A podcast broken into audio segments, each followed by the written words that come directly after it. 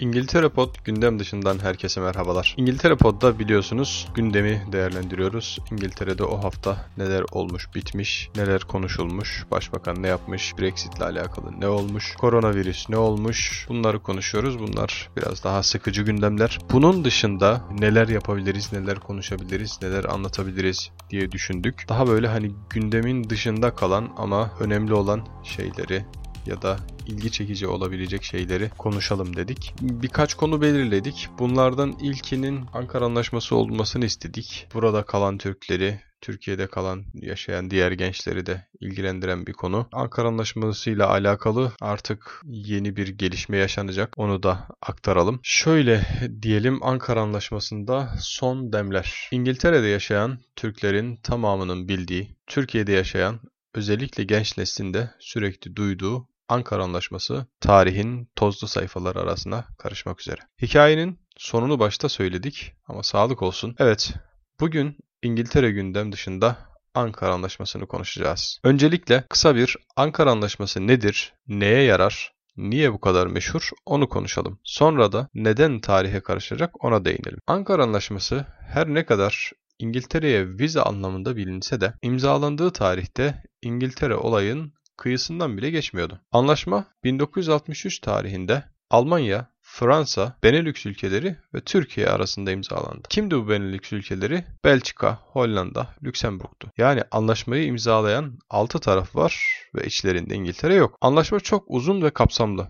Hatta vize ile ilgili olan kısmı 2000'li yıllara kadar neredeyse bilinmiyordu diyebiliriz. Peki İngiltere işin içine ne zaman ve nasıl dahil oldu? Ankara Anlaşması'ndan tam 10 yıl sonra yani 1973 senesinde İngiltere AB'ye üye olmasıyla birlikte anlaşmaya da otomatikman taraf haline geldi. Surdaki gedik o zaman açılmış oldu ama 2000'li yıllara kadar kullanmak kimsenin aklına gelmedi. Sebebi neydi peki? Sebebi şuydu. Hem bilinmiyordu hem de o kadar ihtiyaç duyulmuyordu. İngiltere Türk vatandaşlarına o dönemlerde yani 2000 öncesi 90 öncesinden bahsediyorum çok sıkı vize takibi yapmıyordu. Kapıda vize uygulaması yapıyordu bazı insanlara. Bazı insanlardan ekstra evrak talep ediyorlardı. Ve hani Türkiye'den İngiltere'ye geliş bu yeni döneme nazaran o dönem çok e, yaygın değildi. Çok fazla rağbet yoktu. Kıbrıs Türkleri hariç. Yakın tarihte hem teknolojinin hem de takip sistemlerinin yaygınlaşmasıyla birlikte ve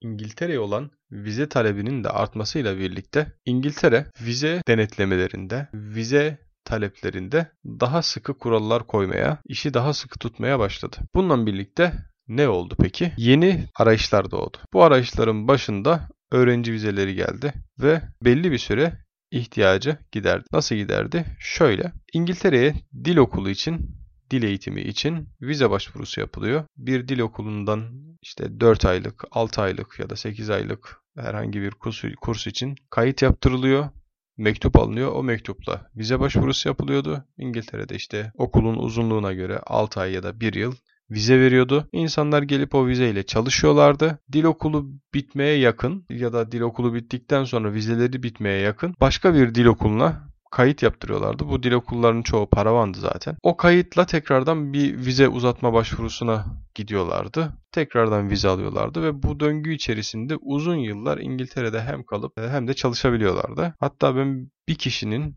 10 yıl boyunca dil okulu için vize aldığını iyi biliyorum. Sonra İngiltere İçişleri Bakanlığı bu duruma da uyandı.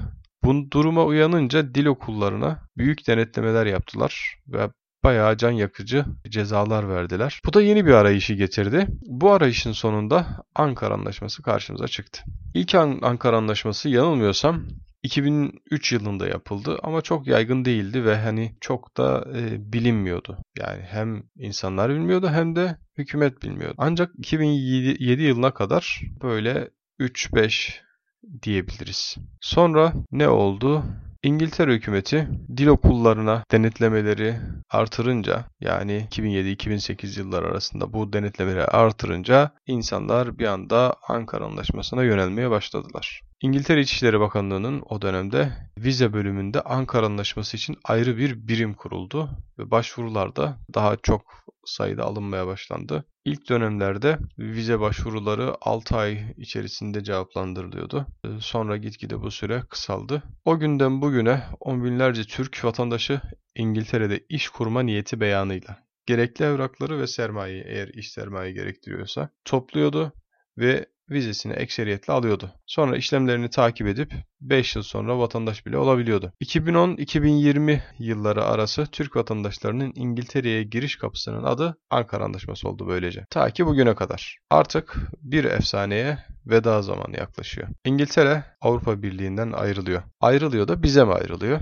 Evet, bize ayrılıyor. Bu yılın son günü itibariyle İngiltere AB'ye veda ederken aslında İngiltere 31 Ocak'ta yani bu yılın başında resmen AB'ye veda etti ama böyle bir boşanma e, ertesi bir süreç yaşıyorlar. Bir hala anlaşamadılar. O e, süreci yaşıyoruz şu anda. Bazı şeyleri ertelediler. Bu yıl her şey bitecek. Yani 2021 yılında İngiltere AB'den tamamen ayrı, AB'ye yabancı bir ülke haline gelecek. 31 Aralık 2020 itibariyle yani bu yılın son günü itibariyle de Türk vatandaşları Ankara Anlaşması'na veda edecek. Yani İngiltere bu yılın son gününe kadar yeni Ankara Anlaşması başvurusu alacak. Var olan Ankara Anlaşmalı insanlar haklarını koruyacak. Yani onların hakları korunacak. Ama 2021'in ilk gününden itibaren yeni Ankara Anlaşması vize başvurusu olmayacak. Yani tarihe karışacak. Büyük bir serüvendi Ankara Anlaşması. Ben de içerisindeyim. Burada Ankara Anlaşması'yla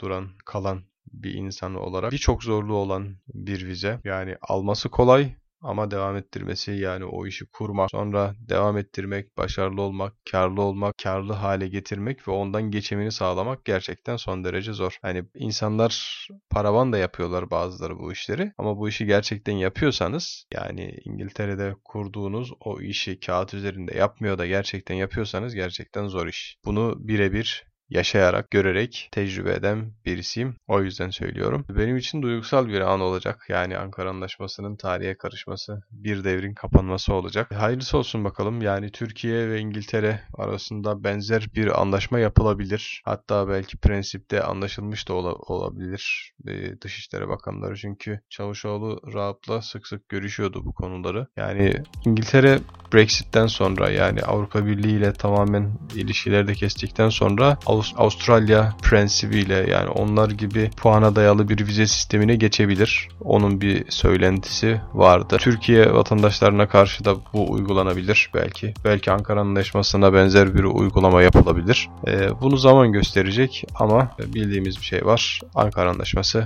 artık olmayacak. Sağlık olsun. Gündem dışında bu hafta Ankara Anlaşması'nı konuştuk. Haftaya yeni bir gündem dışı ile buluşmak dileğiyle.